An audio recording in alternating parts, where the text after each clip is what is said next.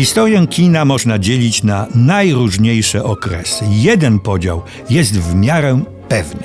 Ten, który bierze za podstawę rewolucje techniczne, a takich w gruncie rzeczy nie było wcale tak wiele. Pierwszą było wprowadzenie dźwięku, drugą koloru, trzecią różnicowanie kształtu ekranu, czwartą zapis elektroniczny. Dzisiaj chciałbym opowiedzieć o rewolucji barwnej, czyli narodzinach filmu kolorowego, barwnego. To wiekopomne zdarzenie nastąpiło w 1935 roku, a pionierskim filmem była amerykańska Becky Sharp, dosyć swobodna przeróbka filmowa klasycznej powieści Williama Thackeraya Targowisko próżności.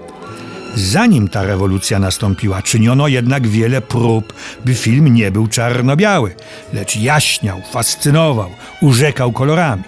Już absolutny pionier kina, Georges Méliès, kolorował ręcznie swą sławną podróż na Księżyc z 1902 roku.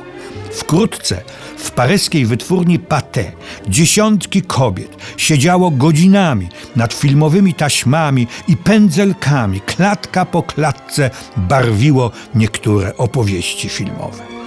Droga do doskonałości była jednak długa. Prawdziwym przełomem stał się dopiero trójtaśmowy Technicolor, którym zrealizowano dwa filmy wspomniany Becky Sharp i wiekopomne Przeminęło z wiatrem. Pionierem był ten pierwszy, drugi korzystał już z jego doświadczeń. Hollywoodzcy scenarzyści wykroili z targowiska próżności Tekereja opowieść o jednej bohaterce, tytułowej Becky Sharp. Jest to młoda osoba, równie uboga, co zaradna, która pragnie za wszelką cenę zmienić swe życie, czyli zdobyć pieniądze i wejść do najlepszego towarzystwa. Intryguje, flirtuje, uwodzi i usidla ze zmiennym szczęściem. Zbija majątek na wyścigach konnych, robi furorę w paryskich salonach. Swego męża ma za nic. Służył je jedynie do zajęcia odpowiedniego statusu towarzyskiego. Własnym synem zupełnie się nie interesuje. Podróżuje po Europie, a w nagrodę otrzymuje spadek nie ma co, idealna bohaterka historycznego, awanturniczego romansu. Rolę tę zagrała Miriam Hopkins, aktorka wtedy w latach 30. popularna, choć nie najwyższych lotów. Niebiesko-oka, uwodzicielska, potrafiła jednak zagrać dobrze, jak pisano, zarówno urodzone damy, jak i wiedźmowate lafiryndy. Film Becky Sharp zrealizował Ruben Mamulian choć nie jemu powierzono początkowo reżyserię. Reżyserem miał być Lowell Sherman, specjalista od adaptacji teatralnych i filmowych, ale w trzecim tygodniu zdjęć nagle zmarł. Mamulian postanowił wykorzystać kolor nie jako ilustracyjną atrakcję, lecz jako element podkreślający dramatyzm, atmosferę, treść opowieści.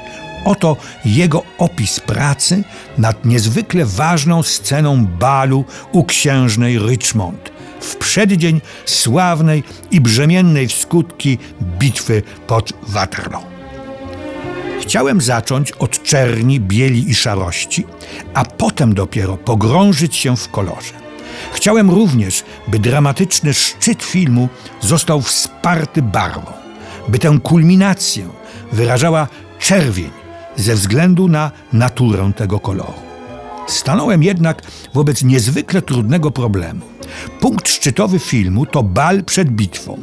Przybiega goniec i zawiadamia Wellingtona, że nadciąga francuska armia. Wieść o tym obiega szybko salę balową i goście zaczynają stopniowo opuszczać pałac.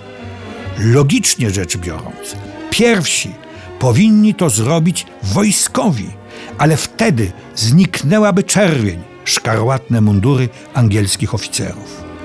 Oto co zrobiłem, wiedząc, że to logiczny nonsens. Uszeregowałem statystów w grupach barwnych, a następnie po kolei każda grupa opuszczała salę, pozostawiając na niej tylko czerwono odzianych oficerów. Na planie wyglądało to absurdalnie, ale w ten sposób sfotografowałem i zmontowałem sekwencję. Czerwień zalała ekran. Zdjęcia nabrały dramatycznego wyrazu, a na absurdalność sytuacji nikt nie zwrócił uwagi. Film Becky Sharp różnie oceniano. Jedni zachwycali się barwą, inni uważali ją za jarmarczną. Wszyscy zdawali sobie jednak sprawę, że są świadkami narodzin nowej jakości filmu.